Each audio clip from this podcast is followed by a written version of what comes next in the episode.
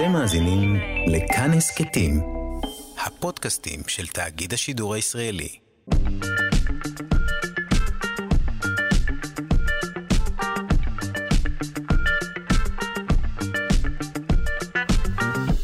שלושה שיודעים.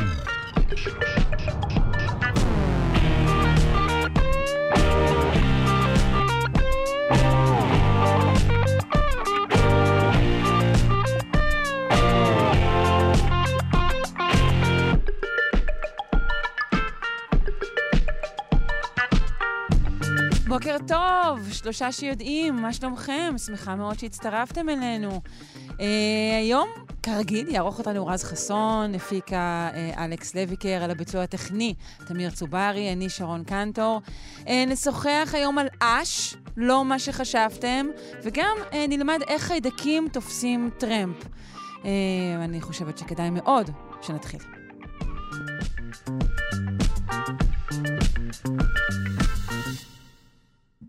זוכרים איך פעם בקורונה לא נגענו במשלוח מהסופר שלושה ימים עד שהווירוס ירד ממנו? אה, זה הייתי רק אני? אוקיי, אז תשמעו קטע. חוקרים גילו כי נגיפי מעיים מצליחים לשרוד במים מתוקים שלושה ימים ויותר באמצעות הצמדות לחלקיקי מיקרו-פלסטיק. נשוחח על הממצא המדאיג הזה עם הדוקטור נועם ונדרהל, עמית מחקר בחוג לציוויליזציות ימיות של אוניברסיטת חיפה. שלום. בוקר טוב. בוקר טוב. Uh, קודם כל נתחיל בשאלה, מהו מיקרו-פלסטיק, למקרה שמישהו לא זוכר. אוקיי, אז uh, מיקרו-פלסטיק הם בעצם חלקיקים שהם קטנים מחמש מילימטר, uh, שהם מורכבים מחל... מפלסטיקים שונים שהתפרקו uh, כתוצאה מחשיפה לשמש, למלח, לחול, למים וכולי. Uh, וזה יכול להיות כל מוצר פלסטיק ש... שאנחנו מכירים, שפשוט יתפרק לחתיכה יותר קטנה. כלומר, זה מעין מרק פלסטיק כזה, שעשוי מכל הפלסטיק ממש. שאנחנו צורכים, uh, קטוש היטב. אה, הוא נכון. מעורבב, וזה לא חלקיקים שאנחנו מבחינים בהם בהכרח, נכון? אמ, בגדול, החלקיקים הגדולים של המיקרופלסטיקים הם כן חלקיקים שאפשר להבחין בהם. הקטנים יותר הם כבר בגודל של כמה מאות מיקרונים וכבר פחות רואים אותם בעין בלתי מזוינת. אה, אבל כשאנחנו נכנסים לתוך הים, בהרבה מקרים אנחנו אה, גם מרגישים אותם על הגוף וגם יכולים לראות ככה נקודות קטנות בתוך המים, אלה הם המיקרופלסטיקים. טוב, נשמע כיף. אה, האם זו תופעה שהיא חדשה, או שתמיד המים היו רוויי מיקרופלסטיק, אבל לא היה לנו מושג כל כך טוב להגדיר אותם? האמת שכל התחום הזה של מיקרופלסטיק זה תחום יחסית חדש, שהוא בערך בין 20 שנה. אה, אז התחילו לראות אותו בצורה הרבה יותר אה, משמעותית, בוא נגיד. כבר משנות ה-70 יש עדויות לחלקיקים של מיקרופלסטיקים במים, אבל אין ספק שאנחנו כן רואים עלייה מתמדת בכמות המיקרופלסטיקים שנמצאים במים. אז אה, בהחלט זו תופעה, אה, לא יודע אם חדשה לגמרי, אבל יחסית חדשה, והיא הולכת ו- הולכת וגדלה. וצוברת תאוצה. נכון. אוקיי, אנחנו מדברים על חיידקים, שבמחקר הזה בעיקר מדובר על, על נגיפי מעיים, נכון? על חיידקים שקשורים למחלות קיבה? נכון. נכון, אז באמת אה, חוקרים אה, רצו לבחון את האפשרות של אה, עד כמה וירוסים במגע עם מיקרופלסטיקים מצליחים לשרוד, והם גילו שבעצם אותם וירוסים, הם ניסו את זה על כמה סוגים של וירוסים, ראו שבאמת וירוסים של מעיים, וירוסים, וירוסי בטן לצורך העניין, מצליחים לשרוד אה, במשך שלושה ימים כשהם נצמדים לחלקיקים של מיקרופלסטיקים. והדבר הזה בעצם יוצר מצב שהיום אנחנו יודעים כבר שבמיקרופלסטיקים אה, לא מצליחים אה, להסתנן דרך מתקני טיפול שפכים. זאת אומרת שגם אחרי, שמטפ... אחרי המים המטופלים במתקן לטיפול שפכים, חודרים מיקרופלסטיקים לתוך אותו מערכת אקולוגית שהמים המטופלים נשפכים אליו. אה, ומה שאנחנו יודעים היום זה שאותם וירוסים מצליחים להישאר עד שלושה ימים אה, בתוך, על אותם, על אותם מצעים של מיקרופלסטיקים, והם יכולים לגרום לחשיפה של אנשים או של בעלי חיים אה, לאותן מחלות בצורה יותר רצינית ממה שיש במדיום הממי בלבד. זאת אומרת שההישרדות. שלהם על הפלסטיק היא יותר בכלל- ארוכה. למה בכלל שנגיף מעיים, שבגדול, אם אני הייתי נגיף מעיים, הייתי מחפשת מעיים טובים, או בכלל איזה משהו ביולוגי. למה לא בכלל להיצמד למיקרופלסטיק? מה הוא מחפש עליו? אז באמת, מה שהם, אה, אותו מחקר, מה שהם עשו זה הם אה, לקחו גם מיקרופלסטיקים שבעצם נשארו קצת יותר זמן במדיום המימי, ואז בעצם מתחילים להצטבר עליהם כל מיני אה, חיידקים ודברים כאלה, והם ראו שההיצמדות הזאת היא מקלה על וירוסים בעצם להיצמד אליהם. הסיבה שזה קורה זה, אותם וירוסים יוצאים במערכת העיכול, מגיעים למתקן לטיפול שפכים, מחפשים את אותו מעיים חדשים שיכולים להגיע אליו, אבל uh, על הדרך הם צריכים בעצם למצוא דרך לשרוד. ומה שהם מגלים זה שבעצם על מצע של פלסטיק הם יכולים לשרוד תקופה יותר ארוכה. מה שזה אומר זה שאם עכשיו אנחנו הולכים לים, ולא רחוק מאיתנו יש uh, uh, מים שזרמו, מים מטופלים, שהגיעו ממתקן לטיפול שפכים, אם אנחנו בטעות נבלע חתיכה של מיקרופלסטיק כזה, אז אנחנו יכולים בעצם להיחשף לאותו וירוס בצורה הרבה יותר משמעותית מאשר אם אה, לא היה את החלקיק פלסטיק. אה, וזאת הנקודה, זאת אומרת, בעצם מה שנאמר פה זה שהפלסטיקים הם טריגר אה, למעבר של כל מיני מחלות בצורה הרבה יותר רצינית. צריך לזכור שמדי שנה מיוצרים בעולם כ-400 מיליון טון של פלסטיק חדש. וחלק משמעותי מזה מצליח בסופו של דבר להגיע גם לימים. וכשאנחנו כבר כמה שנים טובות אנחנו יודעים שלא רק אה, וירוסים לוקחים טרמפים על מיקרופלסטיקים, אלא גם כל מיני סוגים שונים של בעלי חיים. והדבר הזה יוצר תופעה של פלישה של מינים.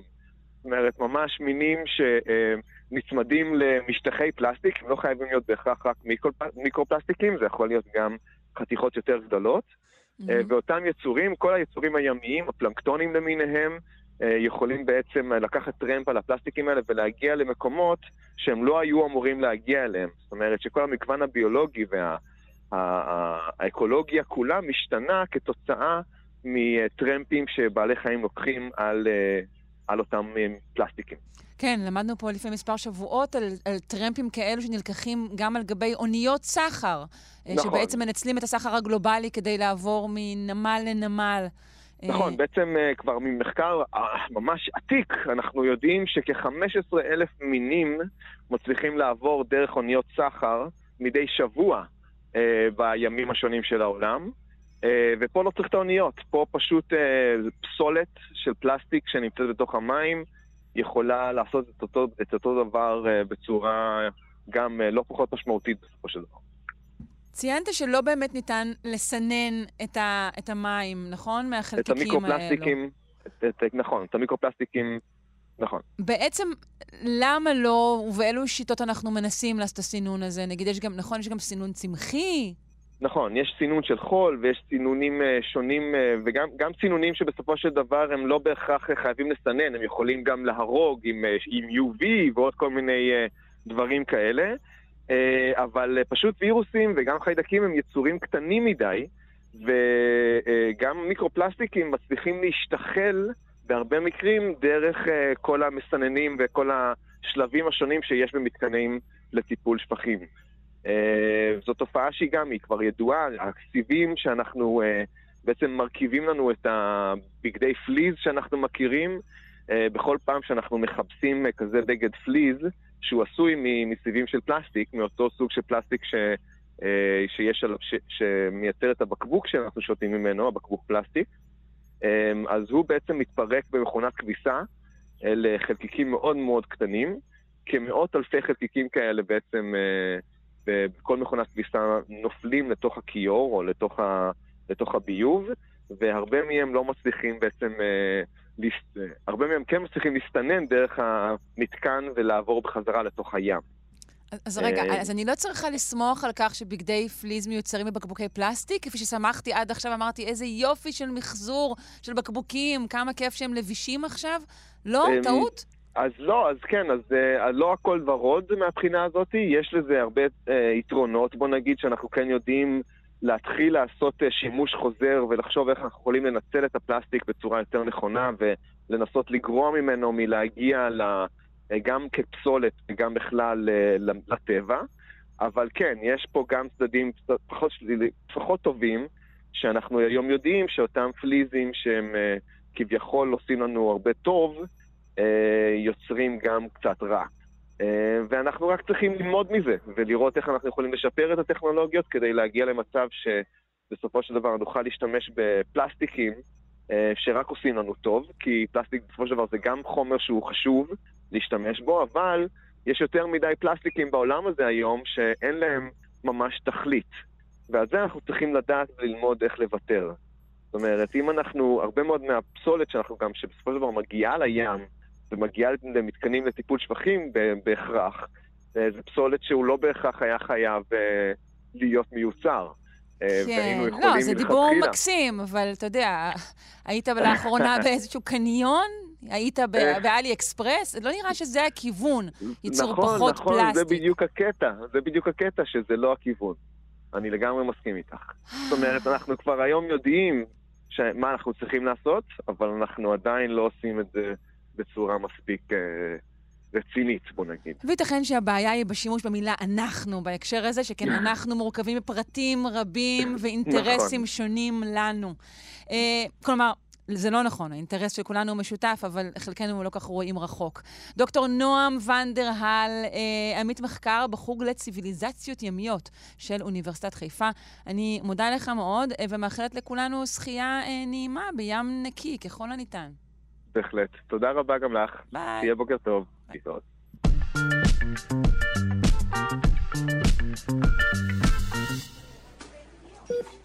בזמן שאנחנו שומעים על מפלגות שדורשות מימון לעצמן רק כדי לחולל עוד רעש או דברים לא חשובים למיניהם, יש בעולם כסף שמגיע למקומות הנכונים.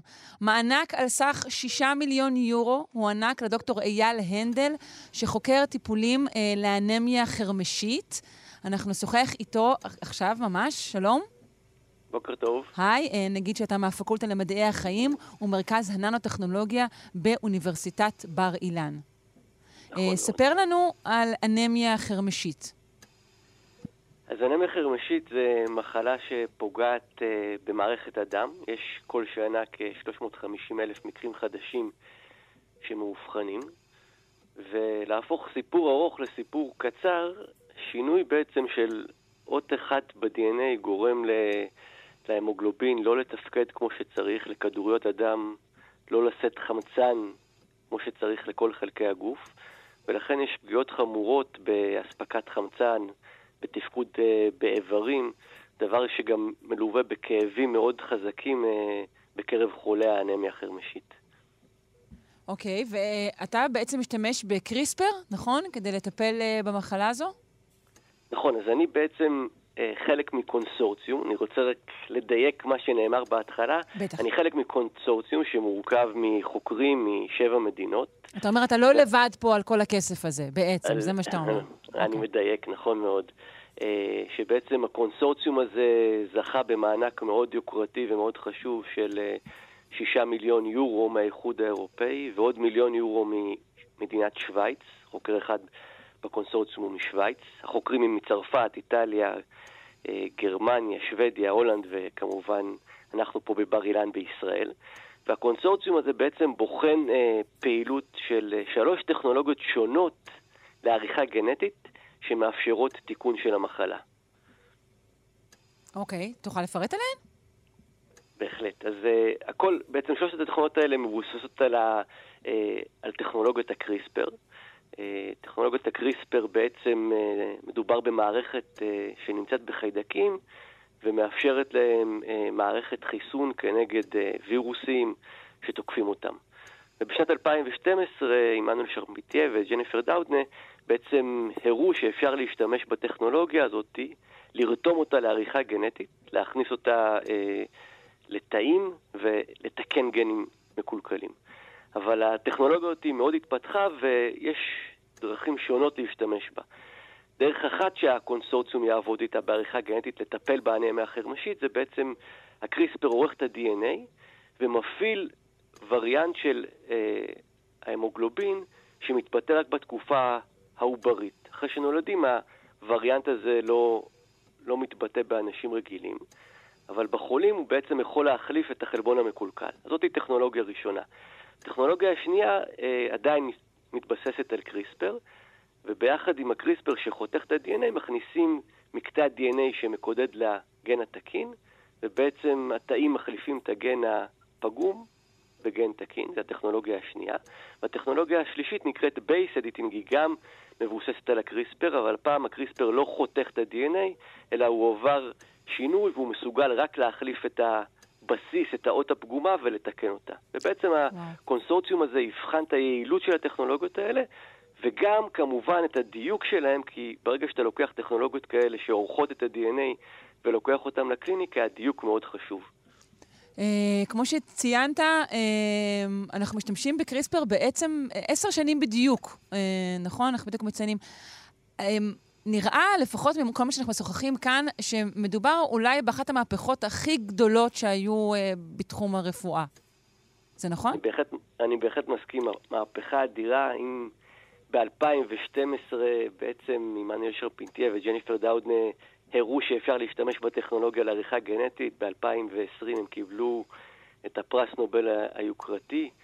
אבל uh, מעבר לזה, אני יכול לציין שבערך לפני כחודש בכינוס אירופאי uh, דווח על תוצאות של ניסוי קליני עם קריספר במחלת האנמיה החרמשית והבטה-טלסימיה. ובניסוי הזה בעצם שתי חברות, קריספר תרפואטיקס וורטקס, טיפלו ב-75 חולים בטכנולוגיה הזאת, ו-73 מהם הבריאו. מדובר בטיפול, וואו, מדהים. בטיפול דפיניטיבי, זה אומר שמוציאים את תאי הגזע המקולקלים מחוץ לגוף, מתקנים אותם, מחזירים תאים מתוקנים, ובעצם החולים האלה שהבריאו, הבריאו מהמחלה.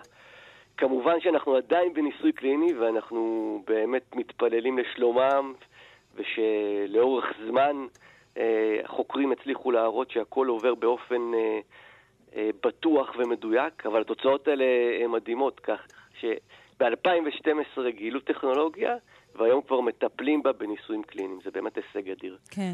הזכרת אה, מחלה נוספת, פחות מוכרת מאנמיה חרמשית, בטא טלסמיה, נכון?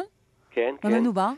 אז בשתי המחלות בעצם הגן בטא גלובין הוא נפגע. באנמיה חרמשית אצל כל החולים הפגיעה באותה אות ב-DNA, אה, ושני העותקים, האבא והאימא, הם פגועים.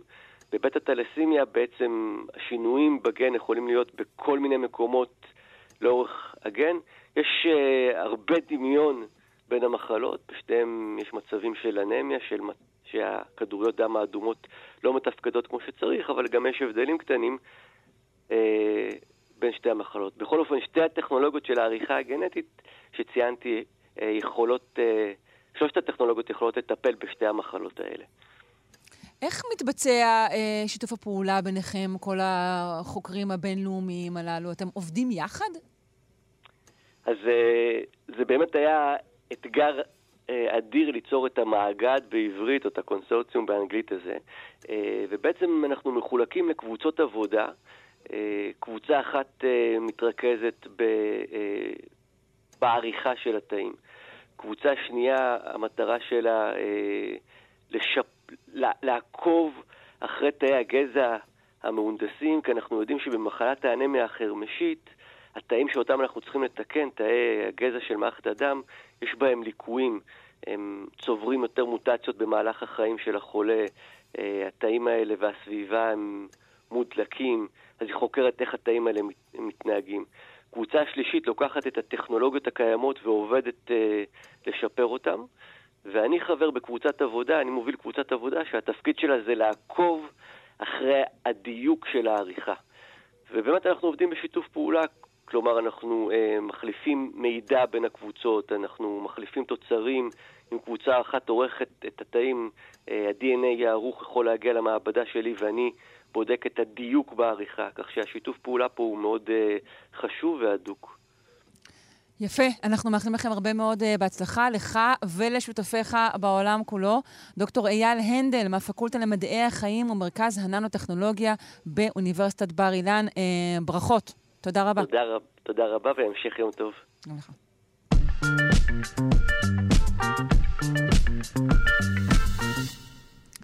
יש uh, הרבה דברים פשוטים שאי אפשר להוכיח. Uh, למשל, איך זה יכול שתמיד לפני הקפה שלי, מכונת הקפה כאן במטבח uh, מתקלקלת. אבל זה דברים שקורים. עוד דבר שקשה מאוד להוכיח הוא השערת גולדבך, אחת ההשערות אה, הכי פשוטות בעצם, שעדיין לא הוכחה לגבי מספרים. אנחנו עם אה, פינת המתמטיקה שלנו, עם מיכאל גורודין ממכון דוידסון, הזרוע החינוכית של מכון ויצמן למדע. בוקר טוב. בוקר טוב. מה שלומך? אה, אני אה, יודע כל מיני דברים, אבל אה, לא את התשובה להשערת גולדבך. פס, יאללה, וזה נשמע כל כך פשוט. זאת אומרת, זה, נכון? זה כמו משהו שכמעט לא צריך להוכיח אותו, אבל אי אפשר. זה אחד מהדברים אה, שבהם יש ממש הבדלים אה, בתוך המתמטיקה, בין תחומים שונים של מתמטיקה. יש אה, תחומים של מתמטיקה שבהם, נגיד אה, לגבי אה, אה, צורות, אני יודע, את רוב הדברים שלגבי גיאומטריה, אה, בגדול זה או שאנחנו יודעים או שאנחנו לא יודעים, יש מעט מאוד דברים כאלה, אבל בתחום המספרים יש המון המון המון המון אה, אה, השערות כאלה שהן נורא נורא פשוטות. השערת גולדבך היא אה, נוסחה לפני 280 שנה, אה, והיא אומרת משהו מאוד מאוד פשוט. אם אנחנו לוקחים מספרים ראשוניים, הרי חוץ משניים הם כולם אי-זוגיים. אז אם אנחנו מחברים שני מספרים ראשוניים, זה יהיה שני מספרים אי-זוגיים, אי-זוגי ועוד אי-זוגי זה זוגי, אנחנו מקבלים מספר זוגי. Mm-hmm. אז גולדבך שאל שאלה פשוטה. היה נדמה לו שכל מספר זוגי אפשר להגיע אליו ככה, כי הוא, כי, כי הוא לפחות החל מ... זאת אומרת שלכל מספר זוגי ניתן להגיע מחיבור של שני מספרים ראשוניים. כן, חוץ מארבע, כי כן. ארבע הוא שתיים ועוד שתיים. טוב, בסדר, כי שתיים הוא לו. תמיד כזה מיוחד, ויש לזה, אני שתיים, אני שתיים, אני לא כמוכם, ברור. אה, הוא זוגי, הוא ראשוני, אבל הוא עדיין ראשוני, אז, אז בארבע זה עובד, שתיים הוא באמת, אה, הוא בעצמו ראשוני, אבל חוץ מארבע, כל מספר זוגי שאינו ראשוני, אז ארבע זה שתיים ועוד שתיים, אה, אה, שש, אנחנו, אנחנו מקבלים מ- משלוש ועוד שלוש. או מי? אה, רק שלוש ועוד לא. שלוש בעצם? רק שלוש- זהו, כן, כי נכון. רק, רק ראשונים, נכון. יש עוד דרכים להגיע אליו בסכום, אבל לא בסכום של... אה, אה, כי לא חמש בסכום ועוד אחד זה לא ראשוני. נחשב לי.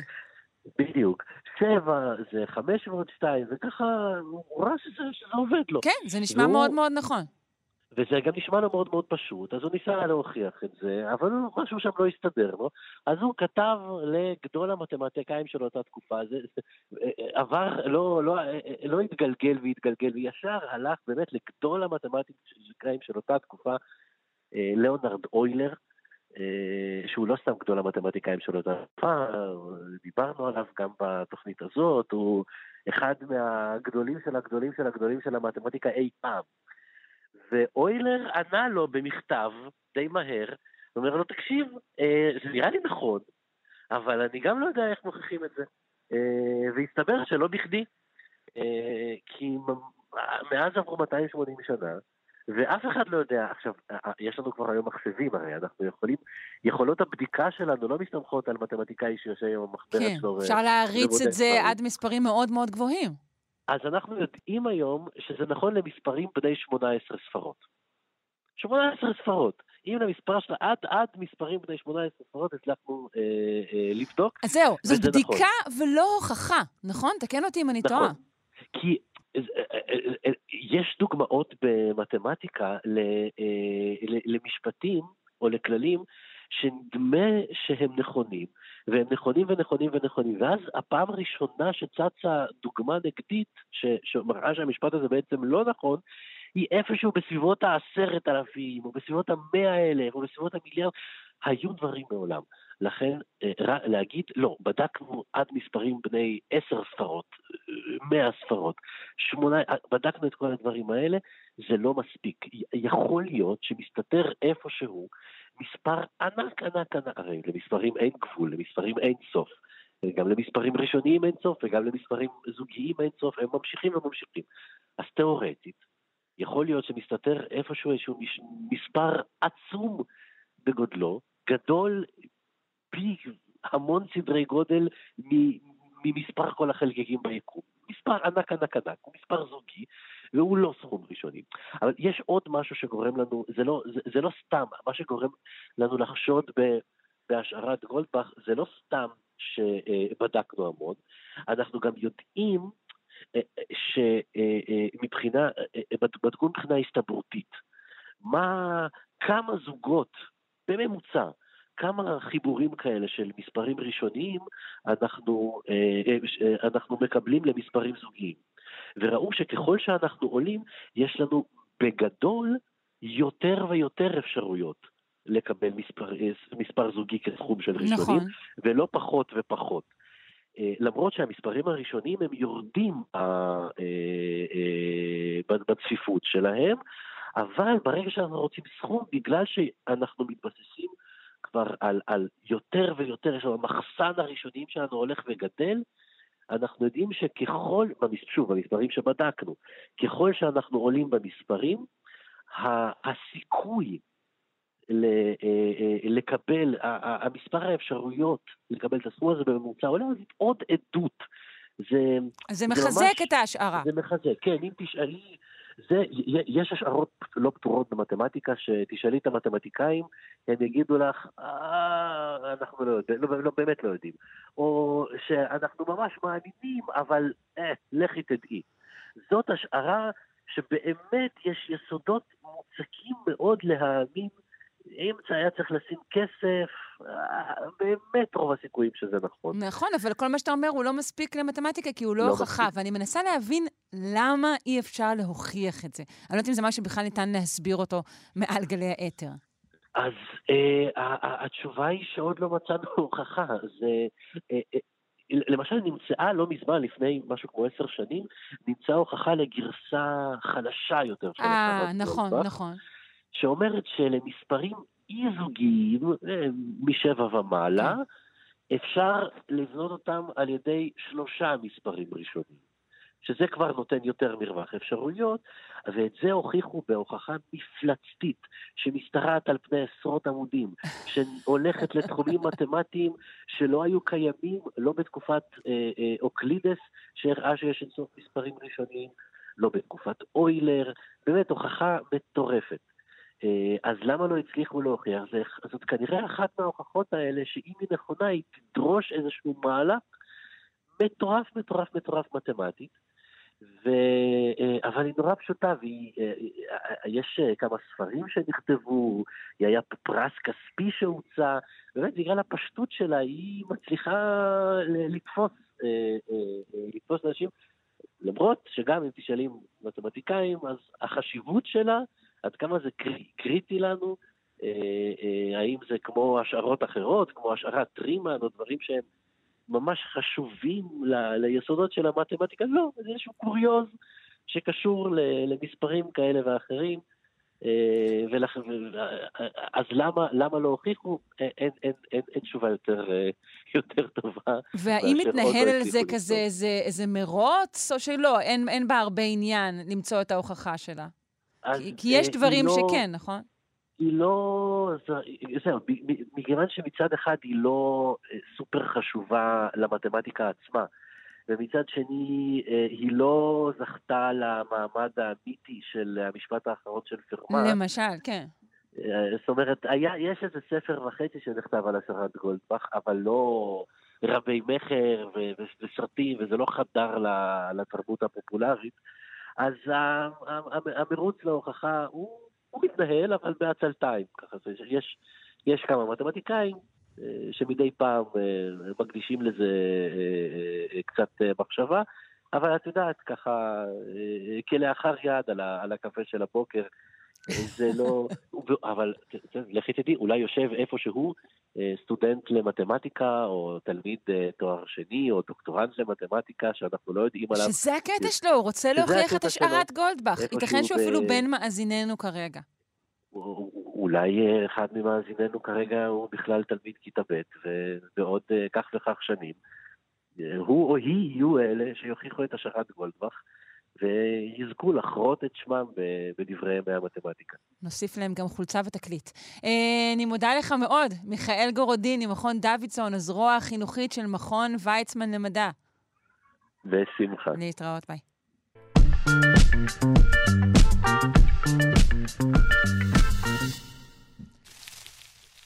ניתן את האמת להיאמר, האש תמיד היה האח הפחות חתיך של הפרפר.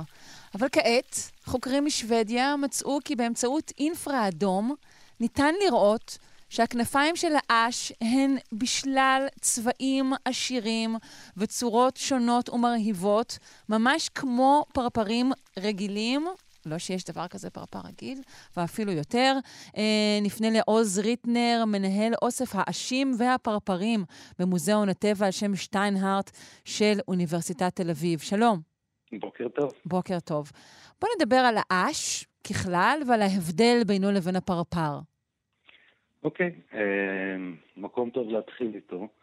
הפרפרים והאשים בעצם שייכים לאיזושהי קבוצה אחת הרבה יותר גדולה, אה, אז הם די קרובים האמת, רק שאשים הם הרבה יותר, אה, איך לומר, הרבה יותר מינים מאשר פרפרים. אם אנחנו מדברים על פרפרים אה, רגילים, כמו שאמרת, אז אנחנו מדברים על בערך 18 אלף מינים בכל העולם. השים כמעט פי עשר. זה ממש מעט יחסית, לא? 18 אלף מינים. נכון, ולעומת השים אנחנו מדברים על בערך 160 אלף מינים, שזה פי עשר פחות או יותר. זאת באמת קבוצה ענקית. ואנחנו יודעים עליה הרבה הרבה פחות מכמה סיבות. אחת, בגלל, אה, כמו שאמרת, הם הרבה פחות צבעונים ומושכים את העין, אז מטבע הדברים אנשים נוטים יותר ללכת ליופי ולאסתטיקה. זה, זה דבר שכן אפשר להדגיש אותו, העובדה שגם המחקר בכלל, שנתפס אצלנו כמשהו ככה אנליטי ואולי קר, גם הוא נוהה אחר הדברים הרגילים, כמו יופי, יותר מתעניינים ביופי. נכון, תראי, אולי זה מקום לציין ש... עשרות אחוזים מהמאמרים שהתפרסמו עד היום בספרות המדעית על פרפרים, הם אה, נכתבו על ידי אה, מה שנקרא חובבים שהגיעו לרמת ידע גבוהה, זאת אומרת, כאלה שנמשכו אל היופי. מטבע הדברים, הרבה פחות נמשכו לאשים. ופה אנחנו באמת נמצאים במצב של אה, חסר לנו הרבה מאוד מידע. פעילים בלילה, אז אנחנו לא רואים אותם ככה שהם מעופפים ופעילים. אז חסר לנו הרבה מאוד מידע על הרבה מאוד מינים. וכמובן הרבה מינים שעוד לא גילינו. אבל זה המקום להגיד שדווקא בניגוד למה שאנחנו חושבים, נשים כן יכולים להופיע, אה, בלי קשר למחקר הזה, בצבעים מדהימים שאנחנו גם רואים בעין, וזה קצת מצחיק, כי הפרפר שנחשב לפרפר היפה והצבעוני וגם נוצץ בעולם, אה, שמגיע עם הדגסקר, הוא בכלל אש. הוא בכלל אש, יש, נכון. נכון, יש אשים צבעונים. למה יש עשים צבעונים, או בגלל שהם פעילי יום, כי יש עשים שהם גם פעילי יום, או שיש להם, אה, בשלב הזחל הם אוכלים צמח רעיל, ואז האש הבוגר, יש לו טעם מאוד מר, והצבע הזה מזהיר את הטורפים, לא כדאי אה, לטעום אותי. אה. זה הסיפור. עכשיו... יפה אך רעיל, אוקיי. כן, עכשיו אם נשאל למה, למה יתר האשים הם באמת בצבעים משעממים כאלה של חום, אני אבקש רק לא לטנף על אשים, אני מאוד אוהבת אשים. גם אני. אוקיי. אה, אה, אז קודם כל, בגלל שהם פעילים אה, בלילה והם נחים ביום, אז עדיף בזמן מנוחה שהצבעים שלהם יהיו יותר צבעי הסוואה. וגם הייתה איזושהי הנחת עבודה תמיד, שאשים, פעילי לילה, הראייה שלהם שונה מאשר פרפרים או אשים פעילי יום, היא מותאמת לראייה בלילה, ובלילה, כמו שמסתכלים במשקפת לראיית לילה, אנחנו לא רואים צבעים, ולכן הם לא נדרשים לצבעים כדי לזהות אחד את השני. אבל אז בא המאמר הזה וטורף לנו את הקלפים. כלומר שגם ההשערה שלנו לגבי ראייה היא לא נכונה? אה, זה לא שהיא לא נכונה, אנחנו פשוט תמיד ידענו שאנשים שונים רואים אור באורכי גל שונים. זאת אומרת, הם לא רואים בדיוק אותו הדבר. אה, עכשיו, פה אנחנו בעצם מבינים אה, שהם כן רואים איזשהו ספקטרום של צבע שאנחנו בעין הרגילה שלנו כנראה לא יכולים לראות. פשוט, אה, פשוט מחוכמים יותר, אוקיי. אה, כן, אנחנו מכירים את זה באשים בעוד כל מיני אסטרטגיות. למשל, הטלפים יודעים לקלוט קולות של הטלף כדי להימנע מטריפה. אשים זו קבוצה מאוד מעניינת. עכשיו, פה מה הסיפור בעצם? האם מסתכלים על כנף של אש, אז אנחנו רואים שכנפיים של פרפרים ואשים מכוסות בקשקשים.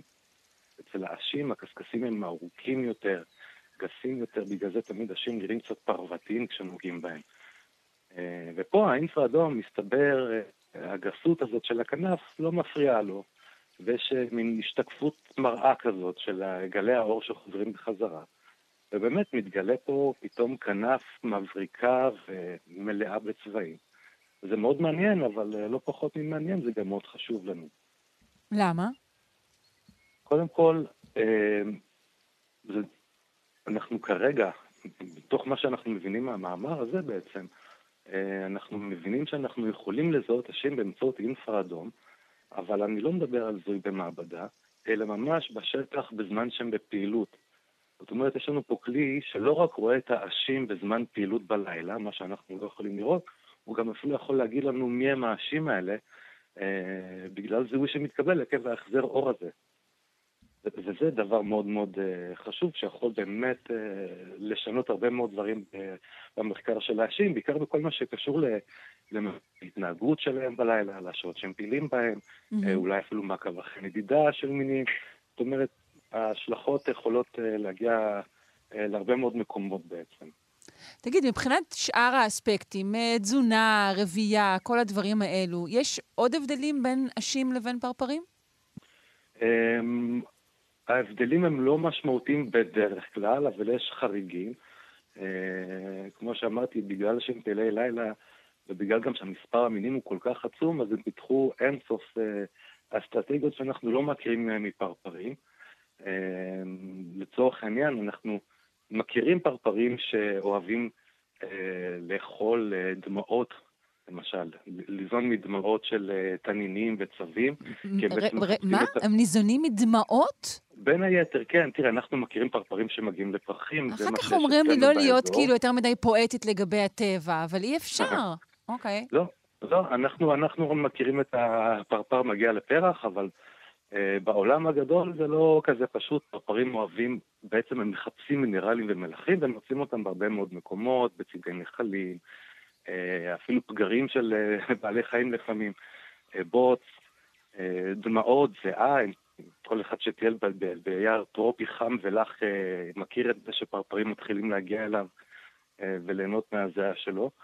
אנחנו גם מכירים, אז אנשים תמיד לוקחים את הכל צעד קדימה, אנחנו לפעמים, למשל מכירים אש, שהחדק שלו התפתח בצורה כזאת שהוא ממש יכול לנקב אור של בן אדם או בעל חיים, וממש אה, ליזום מאדם שמלא במלחים, לצורך העניין. אה, ככה שכן, זאת קבוצה מאוד מאוד מגוונת. דיברנו על התגוננות מפני עטלפים, יש שיודעים גם להשמיע קולות בתדר גבוה שרק הטלף יכול לשמוע כדי להזהיר אותו. פרפרים לא יכולים לעשות דברים כאלה, לצורך העניין. כן. האם האש אכן נמשך למנורת הקריאה שלי, או שזה רק נדמה לי ורק שם אני רואה אותו? אכן, כן. אמ, האמת שגם אנחנו מנצלים את זה במחקר. אחת הדרכים הכי קלות להגיע בשטח להאשים, זה פשוט להגיע מנורה בלילה. אה, לפרוס לידה סדין לבן, זה נקרא מלכודת אור, למרות שהם לא באמת נלכדים. אה, ולא צריך לרוץ אחריהם, פשוט יושבים על אה, כיסא נוח ליד הסדין הלבן, והאשים מגיעים בהמוניהם. אה, ואנחנו מנצלים את זה. למה הם, למה הם מגיעים בעצם? שאלה מצוינת, ואת יודעת מתי אנחנו אומרים שאלה מצוינת? כשאין לנו תשובה. נכון, אז יש הרבה תיאוריות. אה, יש אחת אה, שנחשבת מובילה, והיא בספרי לימוד גם מופיעה, וזה שהאנשים מנווטים בלילה לפי גופים מהירים בשמיים. אוקיי? עכשיו, לפי התיאוריה הזאת, למשל אש מעופף בלילה, והוא שומר על קו ישר איך, הוא יודע שהריח מצד ימין. הוא יודע שהוא גם אף פעם לא יעקוף את הירח, הירח תמיד יהיה באותה נקודה בשמיים. אבל כשהם שמים מנורה, והאש עובר את המנורה, אז הוא בעצם, היא כבר לא מימינו, היא מתחיל, מתחילה להיות מאחוריו, אז הוא מתקן את הזווית ונכנס לאיזשהו סחרור סביב המנורה עד שהוא מגיע אליה. אבל התיאוריה הזאת, עם כל הכבוד, לא מחזיקה מים, Hmm. כי כשאנחנו נשים מלכודת אור, אנחנו לא נראה את האנשים מגיעים בסיבוב, אלא ממש בצלילה, דוך לתוך הצדין הלבן. ויש עוד כמה סיבות למה התיאוריה הזאת לא כל כך אה, אפשרית, אבל אנחנו לא ניכנס לזה פה כי... אה, אמור לי רק כמה הם מופרעים האשים מכך שיש הרבה יותר אה, אור בלילה, אפילו זיהום אור, כמו שאנחנו קוראים לו פה? אה, מאוד מופרעים, הזיהום אור, אה, כמו שאמרתם, מגיעים למנורה שלנו, זה מונע מהם להזדווג, זה מונע מהם uh, לאכול, בעצם זה מפריע לפעילות שלהם, מעכב את הפעילות שלהם, uh, והרבה מהם גם נטרפים ליד המנורה או פשוט, אה, איך uh, אומרים, גומרים את כל האנרגיה שלהם לאותו לילה ומתים, ככה שאנחנו בהחלט רואים השפעה מאוד מאוד חריפה על אשים ובכלל על החרקים פעילי לילה. אנחנו רואים ירידה עצומה בכמויות שלהם בכל העולם. כן. Uh, טוב, את הצבעים היפים אני לא אוכל לראות ללא אינפרה אדום, נכון? זה לא יעזור לי כמה שאני אתקרב אליהם, נכון? כן, גילוי נאות אני עיוור צבעים, אז אני גם את אלה של היום לא רגע, כזה... מה? אתה עיוור, כן. מנהל אוסף העשים והפרפרים הוא עיוור צבעים? כן. זה מקסים. אה, כן, טוב, אבל זה לא, לא מדויק להגיד שאני צבעים, כמובן, אני נהנה מהיופי שלהם, פשוט כן. ככל הדרך אחרת. טוב, עוז ריטנר, אני מודה לך מאוד מאוד. נזכיר שוב, מנהל אוסף העשים והפרפרים במוזיאון הטבע על שם שטיינהארט, אוניברסיטת תל אביב. יום טוב. תודה רבה. להתראות.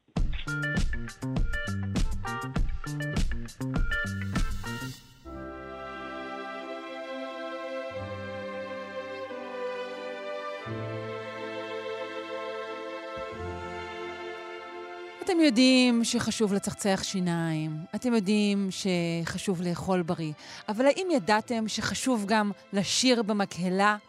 נפנה כעת לרונה ישראל קולט, מורה לפיתוח קול ומנהלת קוואלי, כיתות האמן והתחרות הבינלאומית לשירה אומנותית בזיכרון יעקב, שתספר לנו למה. שלום. בוקר טוב. מה שלומך, רונה? מצוין, עכשיו ששמעתי שגם האשים שרים, אז אני מבינה שאני באמת בכיוון הנכון. כן, את בחברה טובה. כן. ובאמת אני מקשיבה לך ואני מקשיבה לתוכנית במהלך השבוע, ואני שומעת שהטון הכללי עולה, ולקראת החגים הוא יעשה עוד יותר לחוץ, ונרגיש uh, פילוג, אולי רגשות גואים של טינה, אולי אפילו שנאה, וזה ברור שאנחנו הולכים לקראת uh, תקופה לחוצה, ויש פתרון, כמו שאת אומרת, זה יעיל, זה לא יקר, וזה מוכח מחקרית, כמובן, צריך לשיר במקהלה. ובאמת אה, מדי שנה מתפרסמים אה, הרבה מאוד מחקרים שמחזקים את העובדה ששירת מקהלה היא טובה לנפש, גם לגוף, עושים את זה עוד מהפרה-היסטוריה.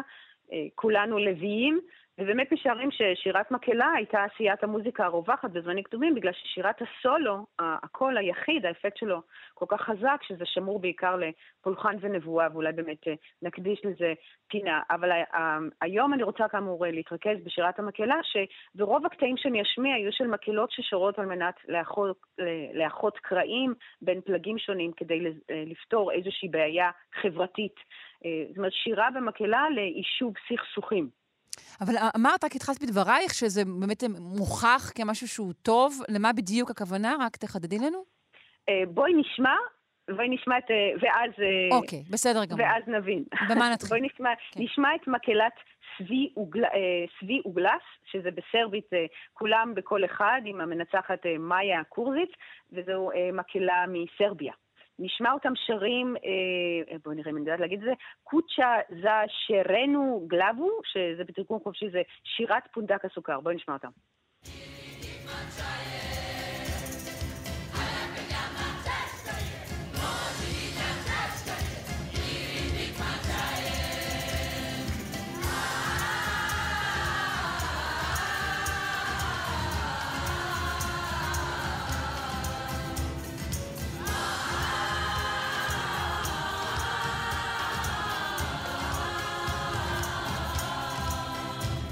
את חייבת להסכים איתי שאפילו רק להקשיב כן. לזה זה מרומם. זה מרומם. אני מודה שכשידעתי שנדבר על מקהלות היום, זה לא בדיוק מה שציפיתי לשמוע. ציפיתי לאיזה משהו ככה גרגוריאני, אני יודעת. הבאתי כמה, בדיוק. היה חשוב לי להביא גם קטעים שהם, שהם לא רק, אתה לא חייב להיות זמר מקצועי. זאת אומרת, לשיר במקהלה זה בדיוק היופי של זה. כולם יכולים וצריכים לשיר במקהלה, וזו מקהלה שהוקמה בשביל קהילת בני הרומא, או הצפנים של סרביה.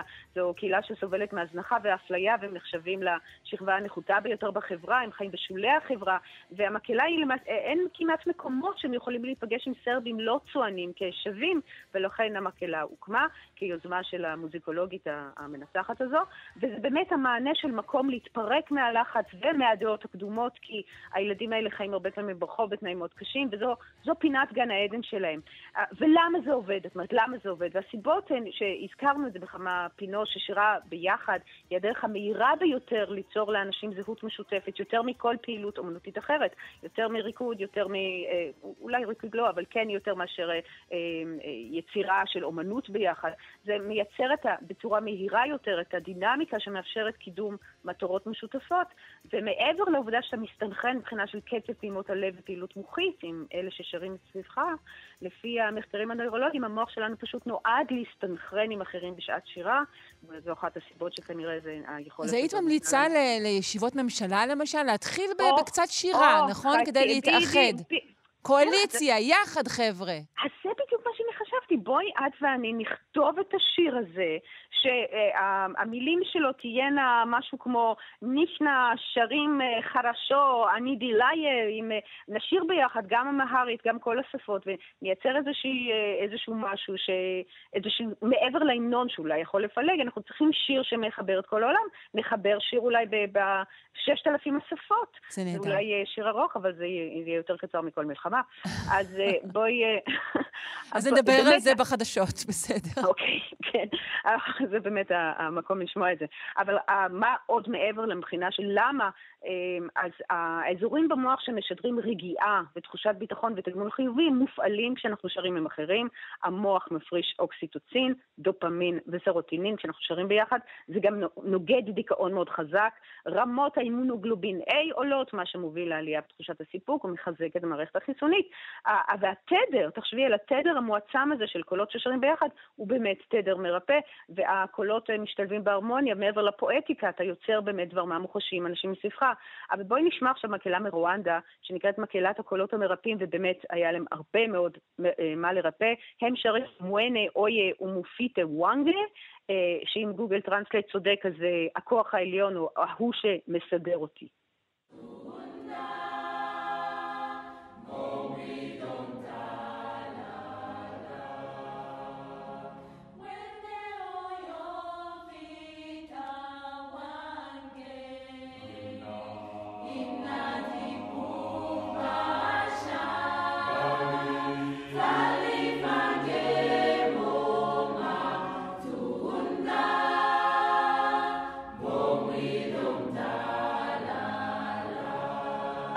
שזה כל כך יפה, אוי, זה ממש יפה, ממש. צמרמורת, כי אני, אני לא רוצה לדמיין את הסיטואציה, אבל אתה שר עם מישהו שכל כך הכאיב לך אחרי uh, הטינה הזו, uh, הרי רצח העם, אנחנו כמעט 30 שנה מאז הרצח הנורא ברואנדה של ההוטו נגד הצוצי, ואת שרה כדי לרפא את, את, את הפצע הנורא הזה, את שרה עם, ה, עם האויב שלך. וחשוב להדגיש שככל שאתה שר נכון יותר, ככה ההשפעה החיובית גדלה, כי אתה מכפיל את כמויות האוויר שאתה משתמש בהם, וכמות החומרים המרוממים ונוגדי הדיכאון אה, עולה. ועוד לא הזכרנו כמה זה עוזר לדמנציה ומחלות ניווניות, ואחרי שבץ, ו- ואנחנו כאמור רק... כל המאזינים אצים להצטרף למקהלה הקרובה למקום מגורים. קדימה, קדימה, ש- שבעצמם יעשו, שישירו עם השכן שלהם אם הוא דופק להם בלילה. אז אה, בואי, הנס- אה, בואי, נש- אם יש לנו זמן, נשמע עוד יש, מקהלה. יש, כן. יופי, אז נשמע שיר ברכה גלית מאירלנד, שגם להם היה חשוב מאוד ליישב את הסכסוכים עם האויב המיתולוגי האנגלי. נשמע אה, שיר את הברכה Deep Peace.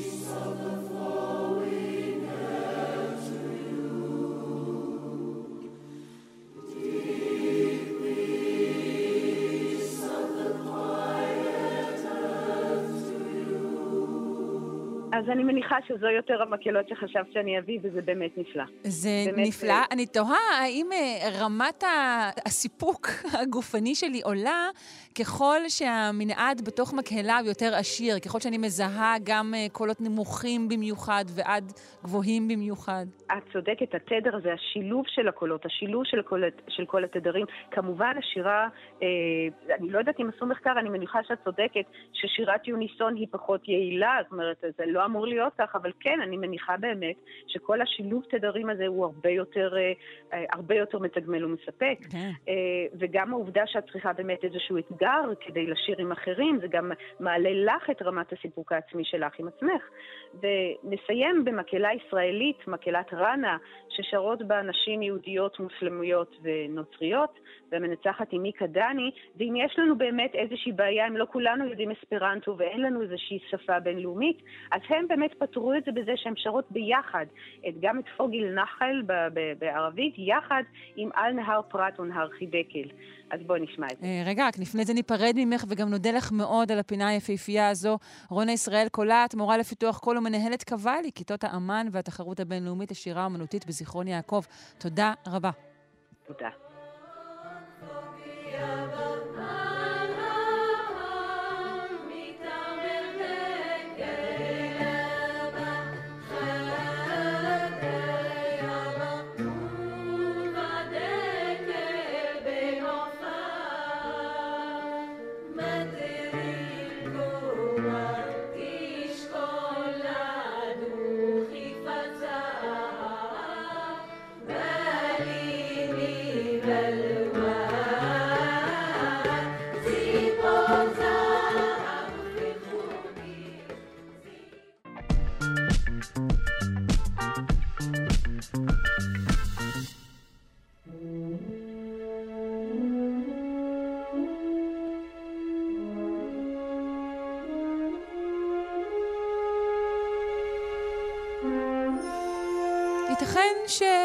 הבעיות פשוט ייפתרו בקרוב. אתם יכולים פשוט לעזוב את כל הדאגות, שכן שביט גדול מזה שהשמיד את הדינוזאורים, אמור להגיע לאזור שלנו ממש בקרוב. אה, בואו נשמע אם אכן אה, קיצנו קרב מהדוקטור דוד פולישוק, אסטרופיזיקאי במכון ויצמן למדע. שלום, בוקר טוב. בוקר טוב, והתשובה היא לא. לא! אוף, צריך לחסוך, צריך להתאמץ, צריך לקום בבוקר, אי אפשר לצאת כן, כן. במחולות, בקחנלים, עד הקצה. אפשר לעשות, אפשר לעשות משהו אחר, אפשר אה, אולי לצאת אה, אל מקום עם שמיים חשוכים ולראות אה, את הכוכב שביט הזה בעוד הולך ומתבהר, להכניס אה, שמחה לליבנו בדרך הזאת, אולי. אוקיי, נכון, צריך בכלל לעשות מזה איזה יום חג כזה גדול, שכולם יצאו, ו... מתי זה קורה, קודם כל? אה, זה למעשה כבר מתחיל אה, לקרות. אה, השביט הזה הולך ומתבהר. אני, קצת אני ככה אוריד ואומר שעדיין יצטרכו בשבילו טלסקופ קטן, טלסקופ חובבים. כן, כאילו, אם יש לך כזה ההתבהרות טלסקופ שלו. בארון למעלה, אז אה, תוציא אותו, כן, אוקיי. בדיוק. אהה. אה, ו- ו- זה לא מצב של אה, כוכב שביט שמספיק בהיר כדי לראות אה, עם ה- עם העיניים שלנו, שגם זה קורה מדי פעם. אה, אבל מה שמיוחד בגוף הזה שהוא באמת אה, גדול, אה, ציינת שהוא אה, גדול מזה שהשמיט הדינוזאורים, ההערכה היא שהקוטר שלו היא כ-20 קילומטר. וואו. אה, והוא, בסך הכל אה, זה לא רע לגופים אה, כאלה, והוא מגיע אלינו מאוד רחוק, מקצה מערכת השמש, מרחק של 10,000, 20, 50 אלף קילומטר, אנחנו לא באמת יודעים. אבל מה שהכי מעניין בגוף הזה, שהוא, שהוא פעיל כבר מזמן, אז אולי אני צריך להסביר מה זה אומר שביט פעיל. תסביר, תסביר. שביט, זהו, שביט זה לא אה, מעין אבן או, או אסטרואיד, אני חושב שדיברתי אצלך כבר על אסטרואידים. שביט זה גוף שעשוי מקרח. אה, קרח שיכול להיות כל מיני דברים, אה, קרח מים אה, בעיקר, אבל גם אה, פחמן דו-חמצני ופחמן חד-חמצני וחנקן, כל החומרים שפה הם גזים או נוזליים ב, ו, ובשביטים הם מוצקים. וברגע שגוף כזה הולך ומתקרב אל השמש, רגע, הם מוצקים כי? מה קרה להם? קר מאוד. כי קר מאוד. אוקיי, פשוט מינוס קופאים והופכים למין... אה, 270, מינוס, mm, מינוס 250 מעלות צלזיוס. זה כן? באמת קר, קחו סוודר. אוקיי. אלה- ממש. ככל שהם מתקרבים, הם אה, מתחממים, אה, והכרכים השונים האלה מתאדים ישר, הם, הם, הם לא הופכים לנוזל, הם ישר אה, אה, הופכים להיות אה, עדים, ו, אה, והם אה, נפלטים החוצה, והאבק שכלוא בהם משתחרר, ואז... זה מה שיוצר את השובל היפה הזה? נכון מאוד! נכון מאוד. וזה מרהיב באמת אה, ביופיו, וזה מגיע למרחקים עצומים. העננים האלה או הזנבות האלה יכולות, יכולים להגיע למאות אלפי קילומטרים, אפילו מיליוני קילומטרים, רק של חתיכות אבק אה, קטנות. אה, וזה נפלא, ואנחנו מכירים את, את התופעות האלה כבר שנים רבות, אבל הגוף הזה המיוחד, הוא התחיל להיות פעיל ב- ב- מאוד רחוק מהשמש, במקום שדי הפתיע אותנו. מרחק שנמצאים כוכבי הלכת אה, אורנוס ונפטון. אהה. כלומר, החומרים האלה לכאורה היו צריכים להיות עדיין צפויים. מדוע ככה יש לנו שחרור של, אה, של אה, גז? אנחנו לא באמת יודעים. האם זה אולי חומר באיזה מבנה קצת אחר? האם הוא עבר איזו התנגשות שאפשרה לשחרר חומרים החוצה? אנחנו לא באמת יודעים, אבל הוא פעיל כבר אה, זמן, כנראה אפילו מ-2013. מה מה אה, בכלל מניע אותו מלכתחילה? רגע, רגע, מה בכלל מניע אותו? מה מה גורם לו לצאת לדרכו? אה, זה, זה גם שאלה מצוינת, כי לכאורה הוא יכול להיות במסלול שלו, נגיד פחות או יותר מעגלי, פחות או יותר מעגלי במרחקים עצומים אה, מהשמש. אבל משהו דוחף אותו. האם זה למשל מעבר אה, של אה, כוכב, כלומר כוכב זה דמוי השמש, מחוץ למערכת השמש, שעובר קרוב למערכת שלנו, ולמעשה סוג של אה, מפיל אותו לכיוון השמש שלנו, למשל, או איזה, אה, אה, איזה תופעה אחרת, אנחנו לא באמת יודעים. אבל יש משהו שגורם לגופים האלה אה, לצאת מהמסלול הקר שלהם בקצה מערכת השמש ולהתחיל ליפול למטה אל כיוון השמש, ואז הם עושים מין אה, מסלול מאוד מאוד אליפטי. מגיעים יחסית קרוב אל השמש ונפלטים בחזרה אל, אל החלל הרחוק.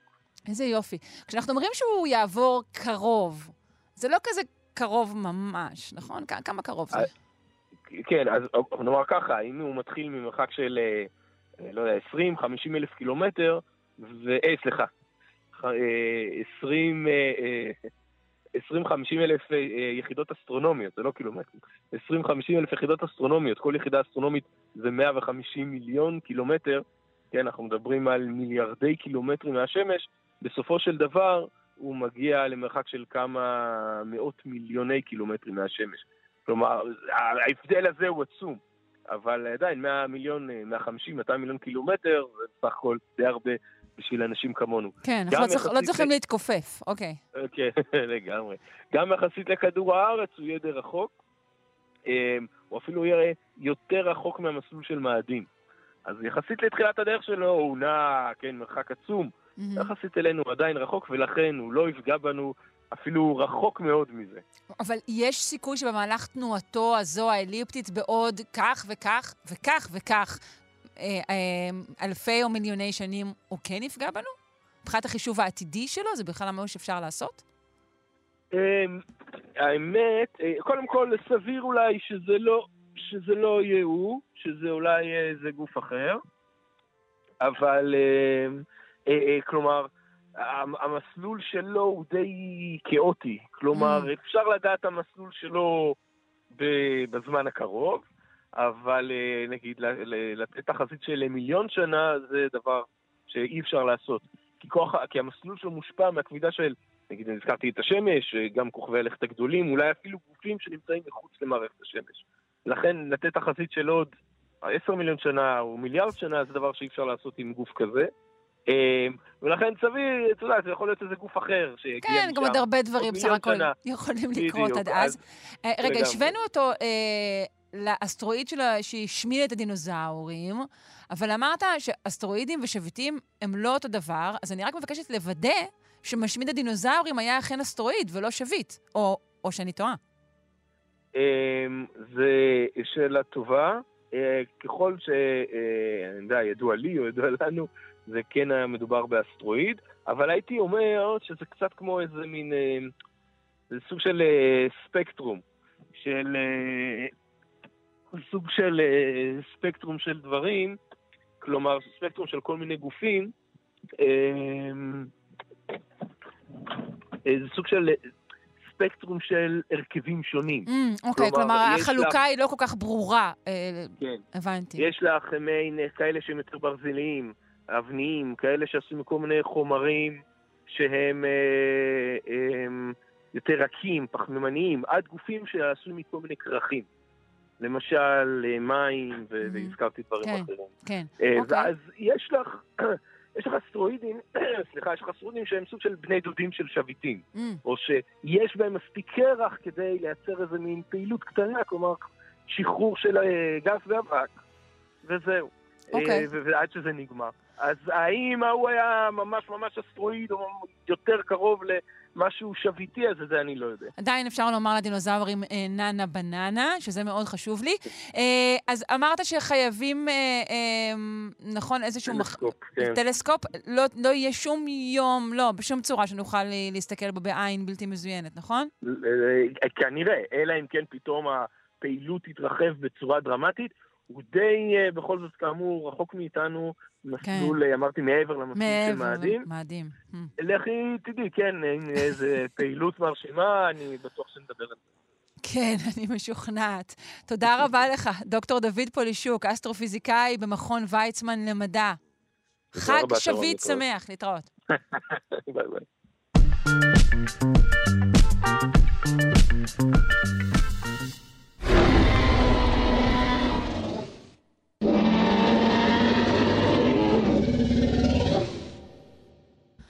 כבר uh, הזכרנו את uh, אחינו הדינוזאורים, השם ייקום דמם, אז אנחנו uh, מציגים בפניכם היום uh, מאובן של דינוזאור בן uh, 125 מיליון שנים, uh, ובו התגלה פופיק. כן, פופיק, קורקוון, טבור. אנחנו נפנה לוורד שפירא, ביולוגית למכון דוידסון, הזרוע החינוכית של מכון ויצמן למדע, כדי לספר לנו על אותו אה, פופיק היסטורי. שלום. שלום, שלום. אה, כן? אמרתי נכון? הקצעקתה? הקפופיקה? ולא סתם, זה הפופיק הראשון, זה הפופיק העתיק ביותר. הפופיק הראשון. שנמצא איזה כבוד לנו פעם. כאן בשלושה שיודעים לדבר על הפופיק הראשון. אז, אז, אז כן, אז, אז הדינוזאור הזה, אותו מאובן שנמצא, הוא למעשה הוא נמצא כבר לפני יותר מ-20 שנה, אבל הוא נחקר מחדש, כי ככל שהטכנולוגיה מתקדמת, גם הדרכים שבהן אנחנו חושפים פרטים לגבי העבר משתנה, והדינוזאור הזה נקרא פסיטקוזאורוס, או לטעת התוכי. זה דינוזאור צמחוני קטן. הוא חמוד אה, נורא, יש לציין נורא מתמונתו. חמוד, הוא הולך על שתי. רגליים אחוריות, יש לו מעין מקור כזה בדומה לטריצרטופסים שיש להם גם מניפה כזאת, ובראש הזו ללא מניפה. אמ, ויש לו מעין שערות כאלה ארוכות על גבי הזנב שלו, והוא באמת נורא נורא חמוד. והם חיו בסוף הקרטיקון, קרטיקון זו התקופה שמלפני 145 מיליוני שנים ועד לפני 66 מיליוני שנים. והשיטות המתקדמות האלה מאפשרות לגלות במאובן פרטים שלא ראינו עליהם קודם. ולמעשה, מה שרואים במאובן הזה כשחוקרים אותו, אז תלכו לגלות שיש לו פופיק. עכשיו, מה שסברו עד עכשיו שזו מעין צלקת לא ברורה? אז, אז לא. אז קודם כל, פופיק קיים בכל מיני יצורים. לנו יש פופיק, זה הטבור, זה צלקת ש, שזה בעצם איזשהו זיכרון פיזי של חבל הטבור שחיבר אותנו כשהיינו בבטן לשליה, מהמם. אבל אנחנו ואצל יונקים. הדינוזאור? כן, ו- נכון. אז אצל זוחלים ואצל ציפורים שנולדים אה, מתוך ביצה, אין חבל טבור שמחבר לשליה כי אין שליה. נכון. אבל מה שיש זה שק חלמון. והשק חלמון זה, זה אה, מחובר על ידי כלי דם שמחברים את העובר אל תוך שק החלמון שמספק לו בעצם את כל המזון שהוא צריך בזמן שהוא בביצה, וכשהיצור הזה בוקע מהביצה, שק החלמון נספג כולו בגוף, אבל הוא כן משאיר איזושהי צלקת במקום שבו, אה, שבו הוא מחובר ושבו הוא היה. שזה מקום שהוא דומה איכשהו פיזית למקום של הפופיק האנושי? ממש כן. ממש כן, זה גם נמצא בבטן. מעניין. והצלקת הזאת אצל לטאות הרבה מאוד פעמים נעלמת אחרי כמה שבועות, כבר אין זכר לזה, אבל יש גם יצורים ששם אפשר לראות את הזכר הזה, למשל אצל תנינים. אפשר לראות ממש במשך כמה שנים, עד שהיצור מגיע לבגרות, אפשר עדיין לראות את הזכר לאותה צלקת אה, עוברית מהתקופה שהוא היה אה, בביצה. ואצל הדינוזאור הזה, בגלל שהתנאי התאבנות שלו היו כל כך טובים, כי הוא התאבן מצד אחד בצורה מאוד מאוד טובה, הוא היה משומר הוא- בצורה... הוא שכב על גבו, נכון? בגלל והוא זה. שכב על הגב, כן. וזה נתן לכל הפרטים האלה להשתמר בצורה טובה. מהמם. עכשיו, לא ראו את זה. המון המון המון שנים לא ראו את זה, וכשחושבים על דינוזאורים ומאובנים, חושבים על לחצוב החוצה את העצמות ולחבר נכון ולקבל איזושהי תמונה.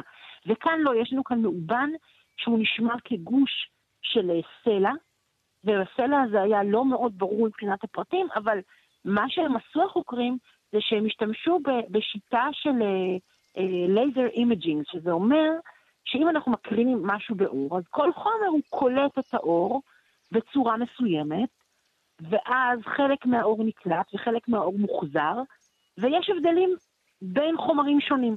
זה בגדול. עכשיו, ברגע שיש הבדלים מאוד מאוד קטנים בין חומרים, אתה צריך מכשור שיאפשר לך לזהות את, החומ... את, את ההבדל הזה, mm-hmm. ואותה שיטה מאפשרת לייצר תמונה על ידי אור שמוקרן על גבי המאובן, ומה שהם עשו כשהם השתמשו באותה שיטה חדשנית, הם ראו שיש הבדלים. יש איזושהי צלקת שנמצאת על גבי הבטן של המאובן, שהיא באורך של עשרה סנטימטרים בערך, והיא מאפשרת לראות שיש כאן איזושהי צלקת עוברית, איזושהי שארית עוברית של, של פופיק אה, אצל אותו דינוזאור, שהיה כנראה בן שש או שבע כשהוא התאבן, אה, הוא כנראה היה לפני בגרות מינית, וממש בדומה לתנינים אפשר לראות אצלו את אותו פופיק, שזו הפעם הראשונה שרואים פופיק אצל אה, מאובן, זה בעצם העדות הראשונה ביותר שיש לנו לתופעה הזאת. וואו. זה כמעט נס, אגב, שהצלחנו בכלל לחקור את המאובן הזה, נכון? ספציפית זה מאובן שהייתה לו אה, היסטוריה קצת קשה, נכון? הוא הוברח. אה, אז, אז הרבה מאוד מאובנים מוברחים ממקום למקום, ולא כל כך ברור מה קורה איתם.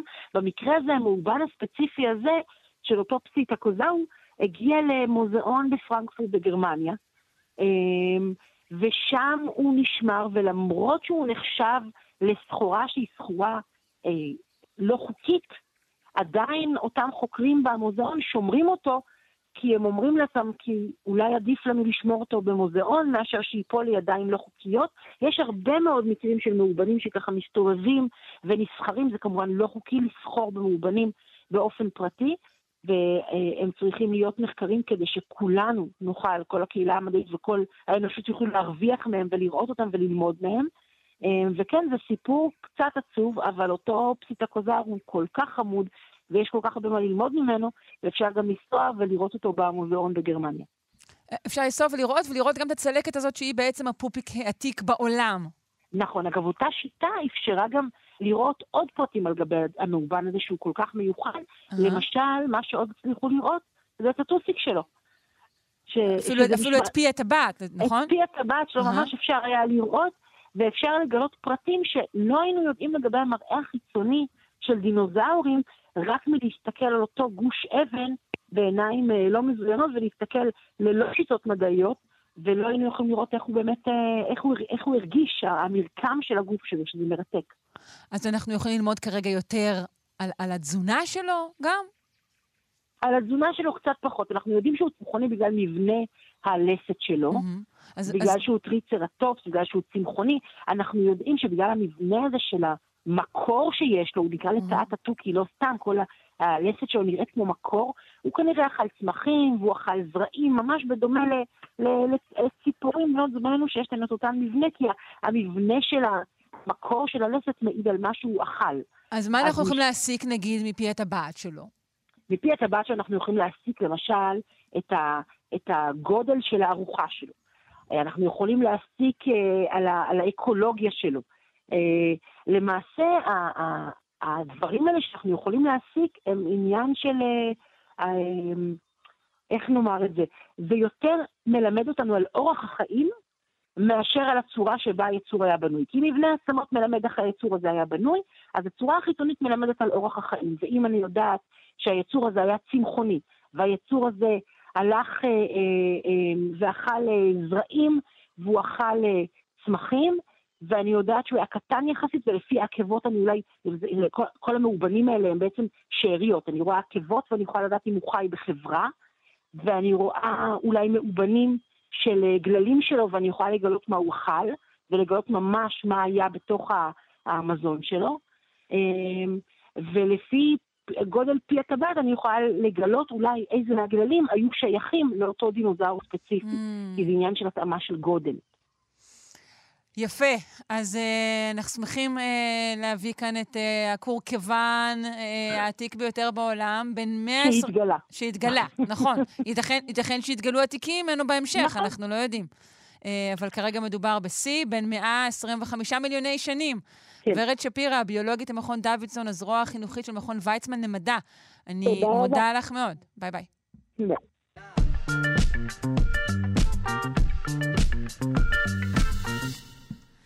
נושאים אה, פמיניסטיים בעצם כמעט לא יורדים אה, מהשיח הציבורי והתרבותי, אה, והנה אנחנו עם מחקר חדש שמציע הסתכלות פמיניסטית על חינוך גופני של נערות וכיצד הוא משעתק אה, תפיסות של מגדר ושל נשיות.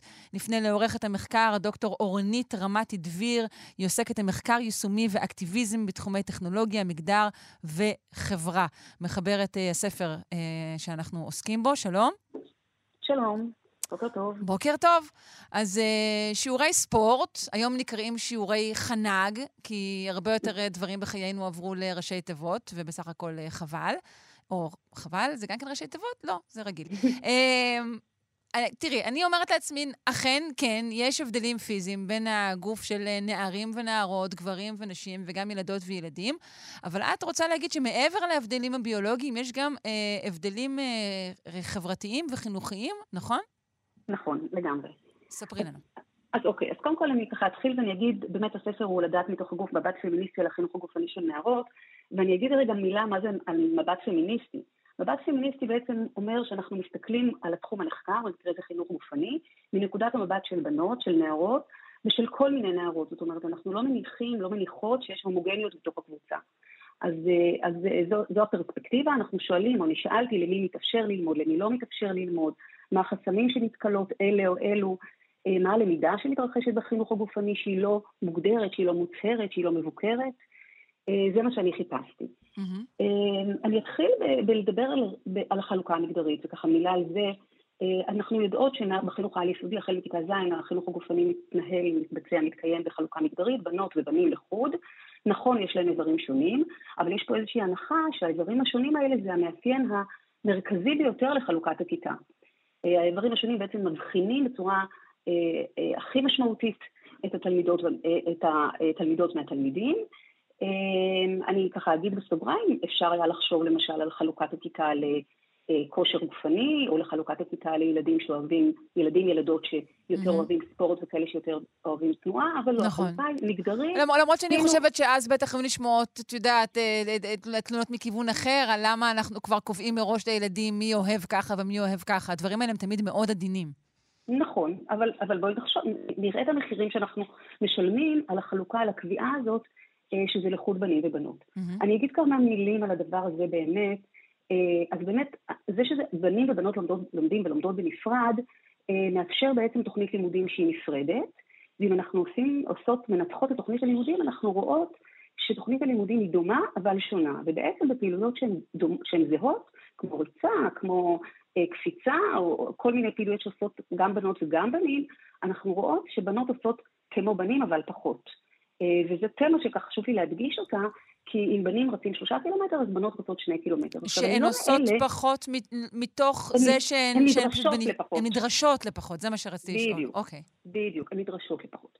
עכשיו, אני לא מאלה שבאות ואומרות בואו נמחק את כל ההבדלים וכולם אותו דבר ובואו שכל הבנות תעשינה כמו כל הבנים, אה, אבל אנחנו בהחלט יכולות אה, להיות ערות לזה שיש בנות שבהחלט יכולות לעשות כמו בנים, כמו שיש בנים שלא נוח להם לעשות בסטנדרט ביצוע מאוד גבוה. אז אולי הבעיה היא לא אה, בחלוקה, אלא באמת בדרישה שהיא אולי נמוכה מדי. אה, גם, כן. אה, עצם החלוקה מאפשרת את השונות הזאת. אה, אני אגיד עוד אה, מילה על החלוקה הזאת.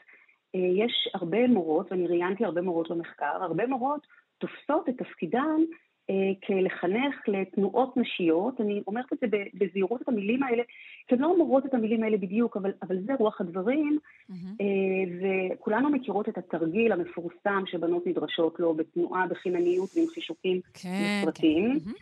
עכשיו, זה לא חובה. בתוכנית הלימודים הפיקוח לא מחייב את המורות ללמד את התרגיל הזה, אבל הרבה מאוד מורות בהרבה מאוד בתי ספר בוחרות כן ללמד את זה באמת מתוך התפיסה שיש פה איזשהו חינוך של אה, תנועות חינניות שחשוב ללמד את הבנות. תראי, את יודעת, אנחנו בתוך, אה, לא רק בתוך עמנו אנחנו יושבות, אלא גם בתוך העולם. את מסתכלת על, אה, נגיד, אם הרפרנס לתנועה הוא בין היתר וידאו קליפים, אז את רואה קליפים של נשים בקליפ, ולעומת אלו של גברים, אז גם הנשים מתנועות כולן בצורה אחרת, או בכלל מתנועות לעומת גברים שאינם. הדבר הזה הוא כל כך רחב ועמוק, שלשים אותו על המורות אה, לחנג, זה אולי קצת לא הוגן.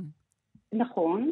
מצד שני, כן, לבית ספר יש תפקיד גם בלחנך וגם בסוג של להתנגד אולי לאיזשהו אה, שיח תרבותי שאנחנו לא מאוד אה, מתלהבות ממנו, כן. אה, או מבקרות אותו.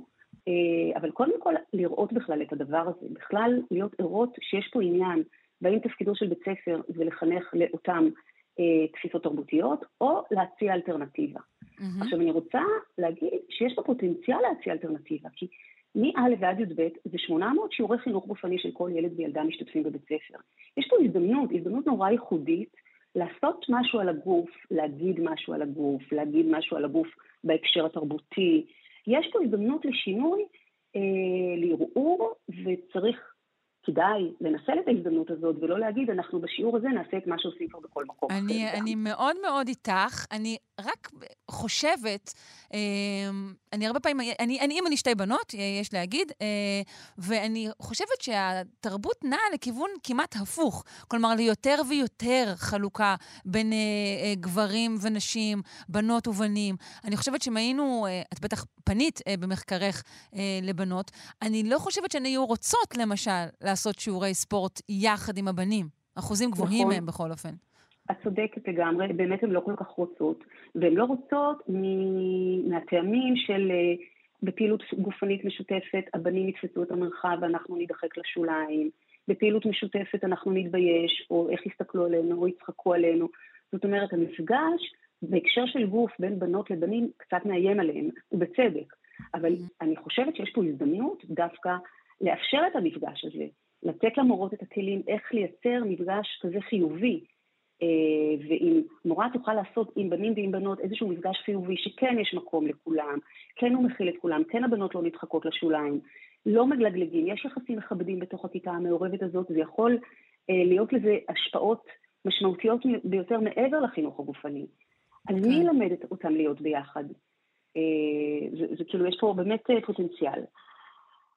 אני, אני רוצה להפנות רגע את הזרקור שלנו לעוד נושא שהוא בעיניי מאוד מאוד חשוב. כשאנחנו מתעסקות במגדר, אנחנו לא הרבה מדברות על האיברים באמת השונים.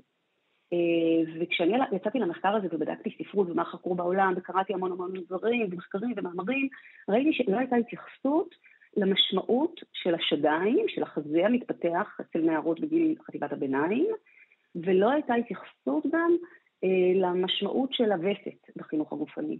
שזה נורא נורא מעניין איך שני הדברים האלה שהם כל כך משמעותיים לחינוך גופני, סלש לספורט, אה, אה, מושתקים, לא מדוברים. ואני ניסיתי ככה להבין במחקר שלי באמת את המשמעות של שני הדברים, שני המאפיינים הייחודיים האלה של בנות.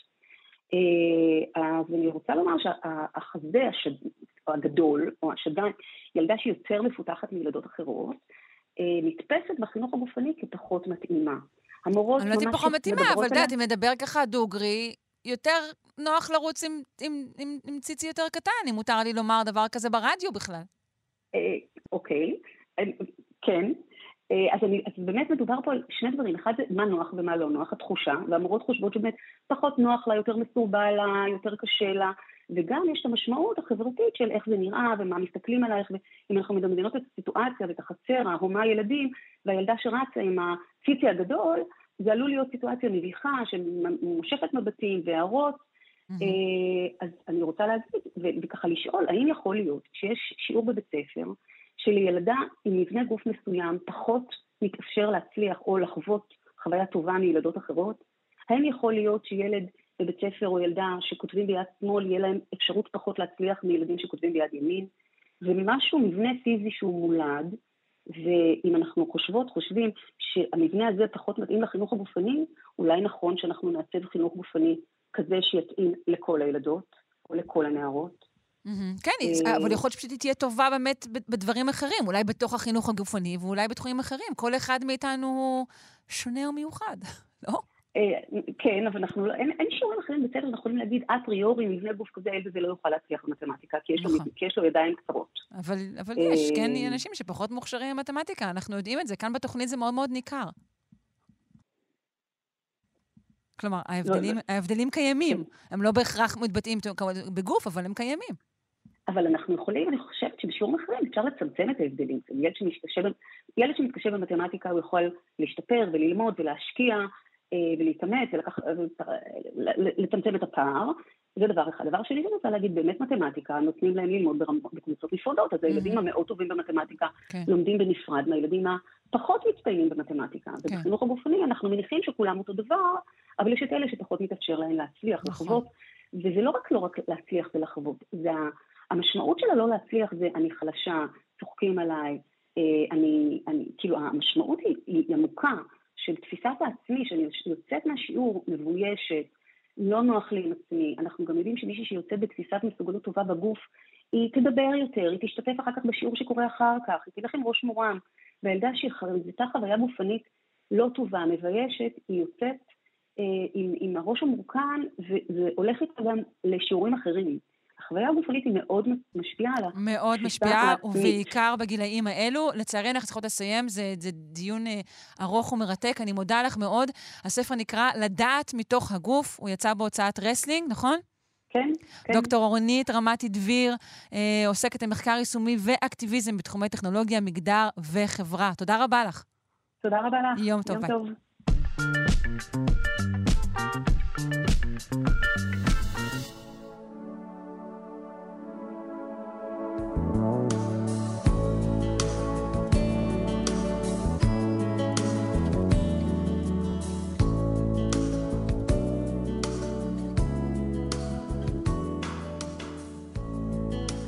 הזבל של האחד הוא האוצר של האחרת, זה לא סתם משפט שמשמש אגרנים כפייתיים. אנחנו רוצים לדבר uh, היום בפינת הקיימות שלנו על uh, מרתון העיצוב, uh, שנקרא Materials Overdose, uh, שעסק בעיצוב ושימוש מחדש בכמויות ענק של מוצרים שסיימו את חייהם. אנחנו מתחברים כאן. למיקרו-פלסטיק אולי, שהתחלנו איתו את היום הזה, נפנה ליאיר אנגל, מעצב ומנכ"ל קיימה, מרכז לתכנון ועיצוב מקיים. שלום. בוקר טוב. בוקר טוב. מהו ההאקתון הזה? אז אה, קודם כל אני, אה, זה באמת מרתון עיצוב, או האקתון, אולי להסביר מה זה האקתון? אה, נראה למרות שנראה לי כן. שרבים מאזיננו השתתפו כבר לא בהאקתון אחד ולא בשניים. ולא ברבים. בקיצור, זה מרתון שבו מנסים לפצח במהירות נושא מסוים ולהגיע לתוצאות מאוד מהירות. אה, זה התחיל ממפגשים של האקרים, וזה בתחום אה, התוכנה בעיקר, וזה הפך להיות גם אה, בתחום המוצרים והעיצוב, ובעצם בכל דבר, כמו שאמרת, רבים וטובים מאיתנו השתתפו בכאלו. אה, שהמטרה היא לייצר ביחד, בחשיבה קבוצתית, אה, אה, פתרון או לעמוד באיזשהו אתגר לאורך פרק זמן שהוא קצר יחסית. כן, ולהגיע לתוצאות שאפשר להציג אותן ולהדגים איתן כל מיני מצבים ו- ופתרונות. ו- וכמו שאמרת, המרתון הזה, שנקרא Material Overdose, או צריכת יתר של חומרים, עסק בבעיה גדולה שאנחנו כולנו מתמודדים איתה ברמה האישית ובעיקר ברמה הציבורית. מה אנחנו עושים עם כמויות הענק של מוצרים שסיימו את חייהם, כמו בגדים, אריזות, טייק אווי, אריזות בכלל, כל, כל כמויות המוצרים האדירות שאנחנו אה, צורכים. אני יכולה אה, לנצל את הפינה שלך כדי להגיד שכל המקומות שפשוט זרמו מהקורונה וממשיכים להגיש, גם כשאני יושבת בהם, אוכל בכלי פלסטיק, הם פשוט פושעים? אה, אני חושב שהם אה, פשוט, יכול להיות שהם פושעים, יכול להיות שהם סתם מבזבזים את הכסף שלהם וממשיכים אה, להציף אותנו במוצרים שהם פשוט מוצרים לרוב נחותים. כן, אבל למה לא שאני... באמת- זה פשוט משהו חדש. אתה יושב במקום, ובמקום בכוס זכוכית אתה מקבל כוס חד פעמית. דבר שלא היה אך לפני שלוש-ארבע שנים. לחלוטין, ואני חושב שזה זה הולך וגדל ואין לזה שום סיבה, זה גם בזבוז כסף לעסקים עצמם, וזה המון המון המון בזבוז של, אה, אה, אה, של חומרים ומוצרים, וזה בדיוק, כן. ה, בדיוק ה, הבעיה והאתגר. המרתון הזה קרא למעצבים, מעצבות, יוצרים ומייקרים בעצם היה פתוח לכל מי שרצה להגיש או להשתתף כצוות או כיחיד את האתגר הזה, איך לקחת אשפה או פסולת ולהפוך אותה לאוצר, trash to treasure.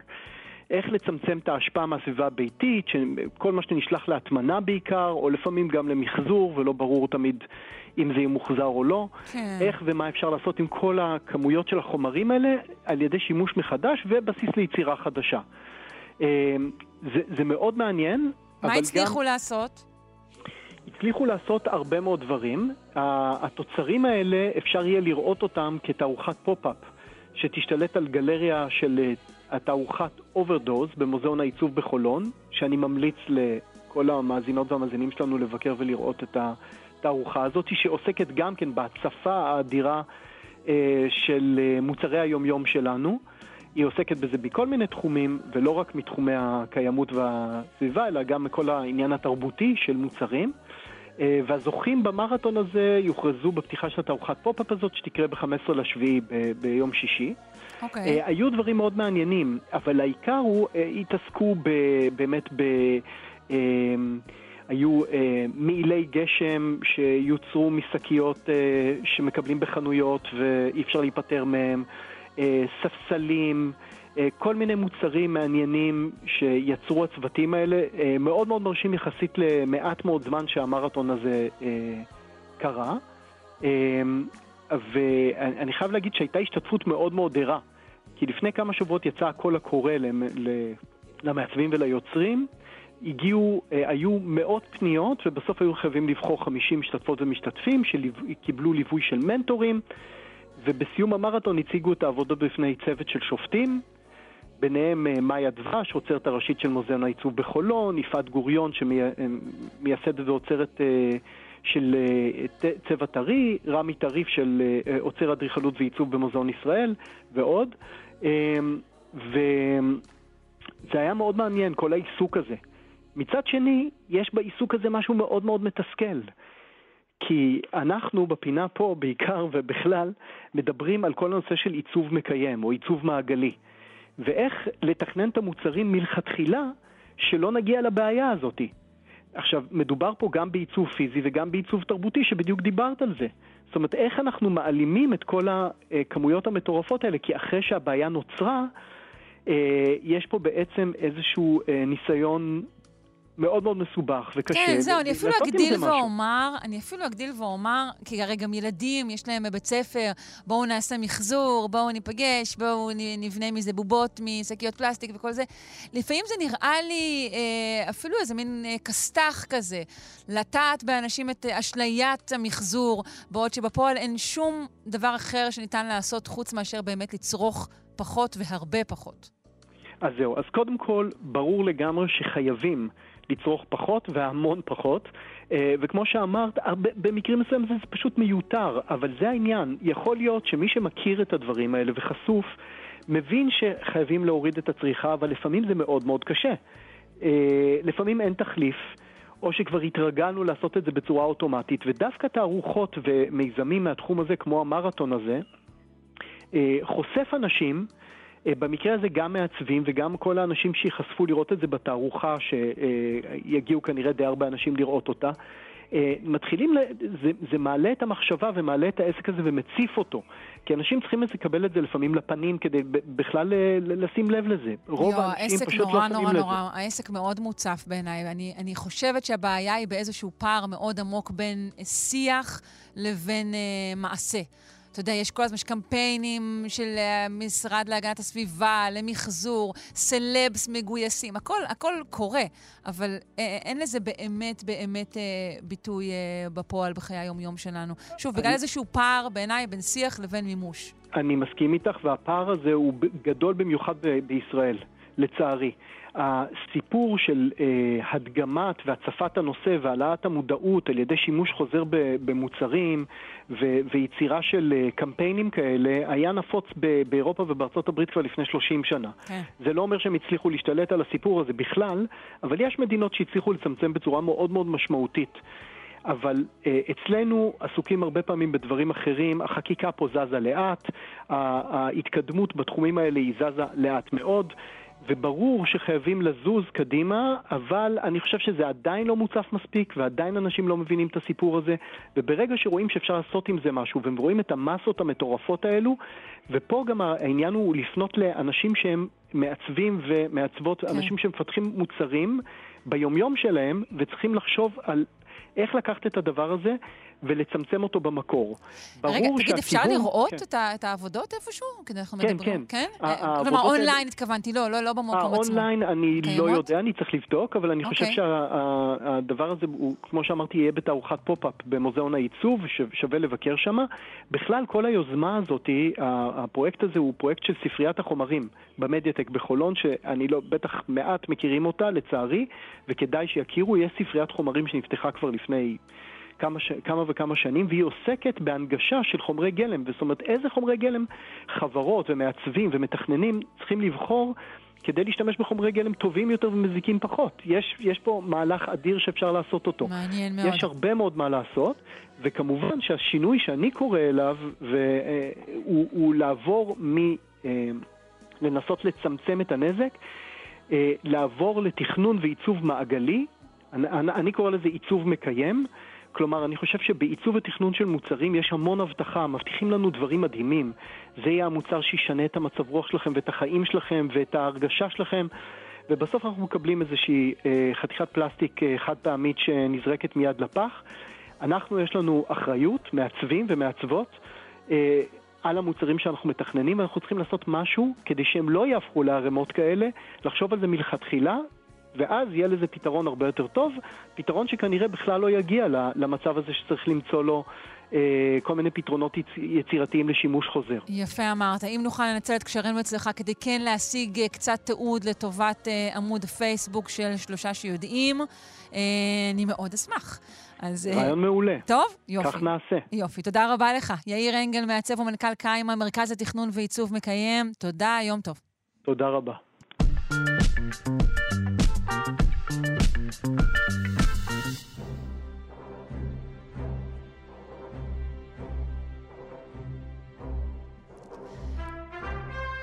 הייתכן שסין הייתה ספקית של מגפות כבר בתקופת הדבר? אנחנו נשוחח על כך בזהירות המתבקשת עם הפרופסור גדעון אבני, המדען הראשי של רשות העתיקות. בוקר טוב. בוקר טוב. אז אנחנו ביום אה, נחמד זה נשוחח על ארכיאולוגיה ומחלות. אה, כן, יכול להיות שאולי ההקשר האקטואלי לוקח אותנו לשם. אנחנו נמצאים בגל שישי, אנחנו כבר שנתיים ויותר בתוך מחלה. אה, ופה גם בנושא הזה יש לארכיאולוגיה מה להגיד, כי אנחנו הרי שואלים מאיפה, מאיפה זה מגיע אלינו כל הצרה הזאת. ואת אותה שאלה שואלים גם ארכיאולוגים לגבי מחלות קדומות. מאיפה זה התחיל? איך זה התפשט? אם אנחנו זוכרים, לפני שנתיים דיברנו על השוק במערב סין שמה בבהאן ועל הספינה ביפן. אז אם נלך 700 שנה אחורה, אנחנו פחות או יותר באותה סיטואציה. אה, מחלה אה, רצינית, מגפה, מתפשטת מהר בקנה מידה של אותם ימים, והחוקרים היום שואלים מאיפה זה הגיע, איך זה התפשט, איך אנחנו יודעים לזהות את זה. מוצאים המוני קברים באירופה, והשאלה מאיפה זה הגיע בשנתיים האחרונות קיבלה תפנית מאוד מעניינת. כי תגליות חדשות אה, במקום אה, יחסית רחוק, אנחנו הולכים לקירגיסטן של היום, אגם אה, איסיקול, בתוך מזרח קירגיסטן, קהילה נוצרית קטנה שחיה שמה, פתאום מתחילים למות אנשים, קוברים אותם.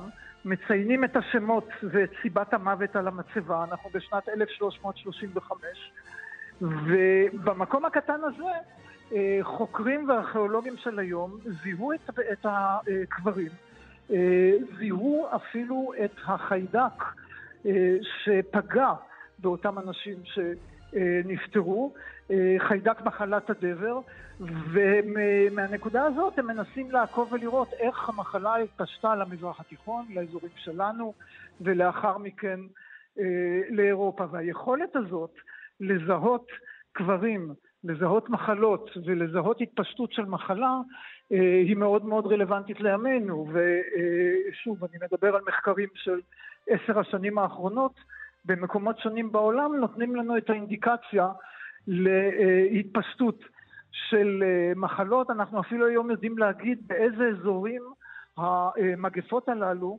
פגעו בצורה אה, קשה יותר אה, בתוך אירופה או במזרח התיכון. למשל, דווקא בצפון אירופה הייתה פגיעה יותר קשה. קברים המוניים שמוצאים בגרמניה של היום, באזורי דרום אירופה פחות. שוב, מאוד מאוד מזכיר את הסיטואציה שאנחנו נמצאים בה היום. אה, עכשיו, יש פה חדשות טובות וחדשות פחות טובות. החדשות הטובות, שלפי כל העדויות ההיסטוריות והארכיאולוגיות והרישומים, הדבר הזה נגמר. זאת אומרת, זה אה, גל שמתפרץ, שיש לו כנראה כמה שיאים, הוא הולך ויורד.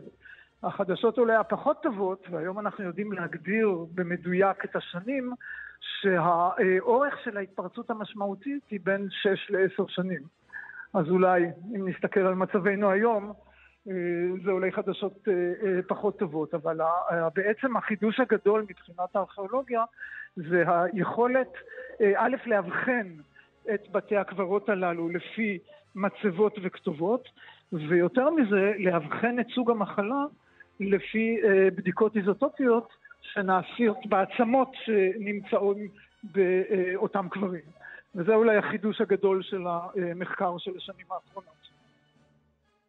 כלומר, אה, בעצם חידושים טכנולוגיים מאפשרים לנו לאבחן ממצאים ארכיאולוגיים בצורה טובה יותר. ואנחנו, אה, כמו שציינת, וגם דיברנו על זה פה בעבר, מגלים שלמשל הדבר מגיע ממרכז אסיה ומערב סין, נכון? אה, כן, בסופו של דבר, בהרבה מאוד גלים של מחלות, האצבע מופנית לאזורים האלה. בוא נשאל לאותם... למה? זה קשור, אני מניחה, למסחר, או לא בהכרח? זה גם קשור לדרכי מסחר, זה גם קשור לתנאים אקלימיים, להתרבות של חיידקים על בעלי חיים שונים, אה, מעבר באמצעות אה, סוסים מוגמלים בדרכי השיירות, אה, אבל בסופו של דבר השאלה הגדולה נשאלת, למה דווקא שם? כי אזורי מרכז אסיה באופן כללי, לאורך כל ההיסטוריה, שימשו מעין מאגר אנושי לתנועות של עמים נוודים שיצאו מהאזור הזה, הגיעו אה, גם לאירופה, גם למזרח התיכון. הטורקים של היום בעצם יסודם אה, באותם אזורים של אה, מרכז אסיה, המדינות שנמצאות בתחומי ברית המועצות לשעבר, קירגיסטן, טאג'יקיסטן, אוזבקיסטן וכולי, וגם בצורה מאוד ברורה במערב סין של היום. וזה באמת נושא אולי עתידי להבין למה, למה דווקא משם. אין, אין לנו רמזים לזה? אה, הרמזים הם אה, אה, כרגע יותר באמת בתחום של המחקר הארכיאולוגי והביולוגי, והרמזים האלה לוקחים אותנו באמת לתנאים אקלימיים שריבוי של חיות מאפשר יצירת חיידקים ותנועת מסחר מעבירה את אותם חיידקים במהירות יחסית גדולה בקנה מידה של העולם העתיק מערבה. הכיוון הוא תמיד מערבה, או בעיקר מערבה, אה, ממרכז אסיה אה, לכיוון אירופה והמזרח התיכון, ואנחנו, כמו שאמרתי, היום אנחנו יודעים ממש לעקוב אחרי התופעה הזאת בקנה מידה של שנים בודדות. הכיוון מערב, גם של מחלות ומגפות. פרופסור גדעון אבני, המדען הראשי של רשות העתיקות, אני מודה לך מאוד. תודה ובוקר טוב. בוקר טוב.